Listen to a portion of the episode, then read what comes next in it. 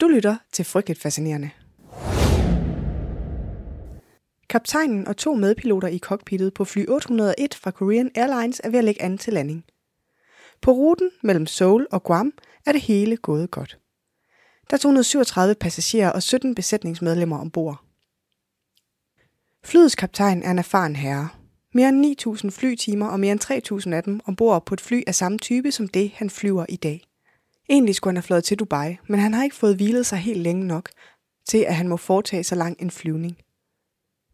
Med som styrmand har han også en erfaren medpilot. Han har mere end 4.000 flytimer og 1.500 af dem ombord på det samme flytype, som han flyver i dag. I cockpittet har vi også en flyingeniør med mere end 13.000 flytimer og godt 1.500 af dem i det samme fly som dagens flyvning. Lidt over et om natten påbegynder de deres nedstigning mod Guams lufthavn. Kort før landing går det rigtig alvorligt galt.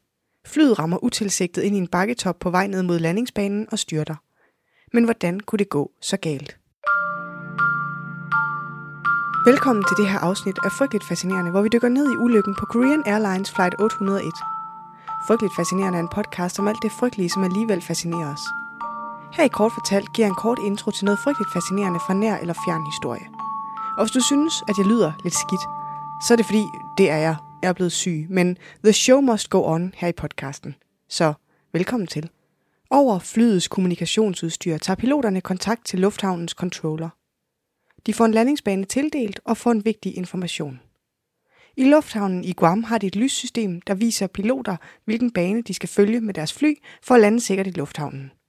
Forestil dig en slags lyssliske, som piloterne kan bruge som pejlemærke for, om de er på ret kurs. Det er vigtigt i Guam, for det er en lidt besværlig lufthavn at lande i. Den ligger sådan klemt inde mellem bakker, så det er vigtigt, at flyene ikke flyver for lavt for tidligt.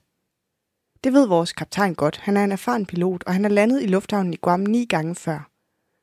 Den information, som vores pilotteam får her til aften, det er, at lysguiden er pillet ned, fordi den er til reparation. Så mens vores fly er klar til landing her til aften, så er de alene afhængige af et flykort, deres kontakt med kontroltårnet og kaptajnens erfaring. For at få et spot til skade, så er der en kraftigt nedsat sigtbarhed over Guam. Det regner, og det blæser. Så det er en vanskelig opgave, som piloterne står overfor. Som vi tidligere talte om, så er vores kaptajn også lidt træt. Han har pillet en flyvning til Dubai, fordi den var for lang til, at han kunne overholde hvilereglerne. Så nu er han her, i lufthavnen i Guam, i en uhyggeligt vanskelig landing. Det første, der går galt i cockpittet, er en misforståelse. Over kommunikationssystemet har piloterne fået beskeden om, at landingssystemet er ude af drift. Det ved vi fra optagelserne fra den sorte boks, men af en eller anden grund, så har kaptajnen overhørt det. Måske fordi han er træt, måske er han for koncentreret. Men i cockpittet sidder der nu en ingeniør og en assisterende pilot, der godt ved, at lyssystemet ikke virker, men en kaptajn, der bliver ved med at lede efter det. Klokken 1.35 fanger kaptajnen et signal for noget, som han tror er landingsguiden, men som senere viser sig at være et helt andet signal, der ikke har noget med landing at gøre. Flere gange påpeger de andre i cockpittet, at flyet er ved at lande i en meget skarp vinkel, at de flyver meget lavt, og at de hverken kan se lufthavn eller landingsbane.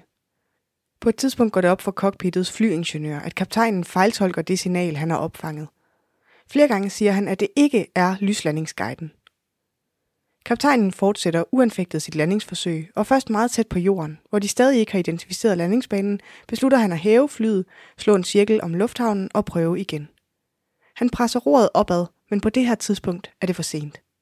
Piloterne i cockpittet navigerer nemlig efter et gammelt flykort, som ikke er blevet opdateret. Og på det står højden på den bakke, der ligger i nærheden af lufthavnen, ikke angivet så højt, som den egentlig er. Den anbefalede flyhøjde på deres kort er derfor også en smule lavere end det, der er ideelt, når man lander i Guam. Kombineret med den manglende lysvejledning, er kaptajnen altså uhyggeligt dårligt stillet. Kort efter, at han har besluttet at cirkle omkring og gøre et nyt landingsforsøg, så brager flyet ind i bakken og havarerer. Da flyet har ramt jorden, glider det et langt stykke, før det kiler sig fast, og dele af taget kollapser. Det fanger mange af de mennesker, der har overlevet det egentlige styrt inde i det havarerede fly. Og så begynder den anden tragedie. For ret hurtigt går det op for personalet i lufthavnen, at den er rigtig gal ude på bakken. Derfor sættes en redningsaktion straks i gang, men den forsinkes af det usandsynligt dårlige vejr og det svært fremkommelige terræn.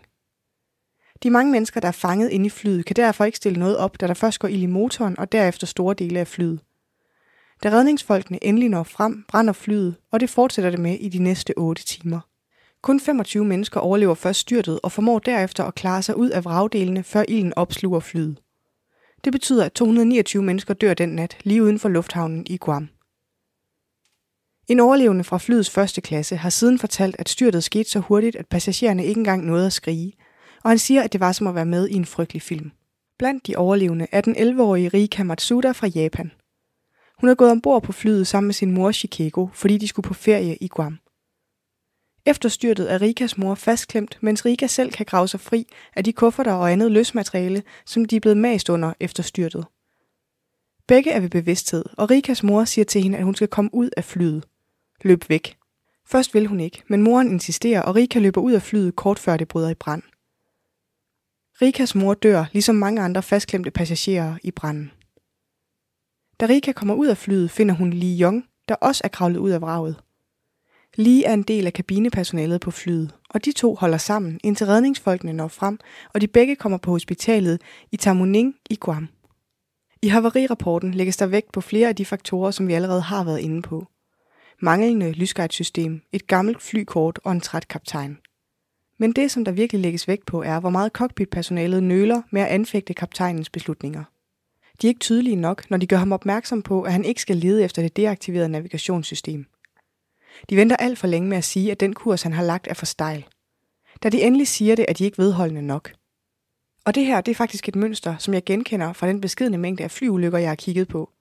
Chain of command, der kommer i vejen for, at dem, der har anet uråd, tør insistere, selv når de insisterer over for en, der er mere erfaren og har højere rang end dem selv.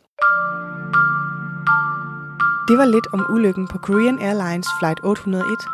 Kort fortalt er frygteligt fascinerende. Researchet skrevet, optaget og redigeret af mig. Jeg hedder Maria. Dagens afsnit er lidt særligt. Det er det både fordi det er en flykatastrofe. Det har vi jo talt om før. Det er en kategori af katastrofer, som jeg glemmer lidt. Negligerer. Og det kan vi virkelig ikke have. Ingen katastrofediskrimination her. Men det er endnu mere særligt, fordi det er lavet på ønske fra en lytter. En lytter, som har en kæreste, der er ved at uddanne sig til katastrofe- og risikomanager – og det er jo i sig selv ret vildt, er helt overbevist om, at jeg har misset mit kald i livet ved ikke at vælge sådan en uddannelse. Men det er et sidespor, og nu løber min intro ud. Men det, der gør dagens afsnit helt, helt særligt, det er, at det er dedikeret til Ida, Future Katastrofe- og Risikomanager, som har toårsdag med sin kæreste i dag. Kæmpe tillykke til jer, med hinanden og med kærligheden. Tak fordi I lytter med, og tak for nu. I researchen til det her afsnit har jeg brugt oplysninger fra Wikipedia – YouTube-kanalerne Smithsonian Channel Aviation Nation, Alec Joshua eBay og Dana Steele, Daily Motions og New York Times.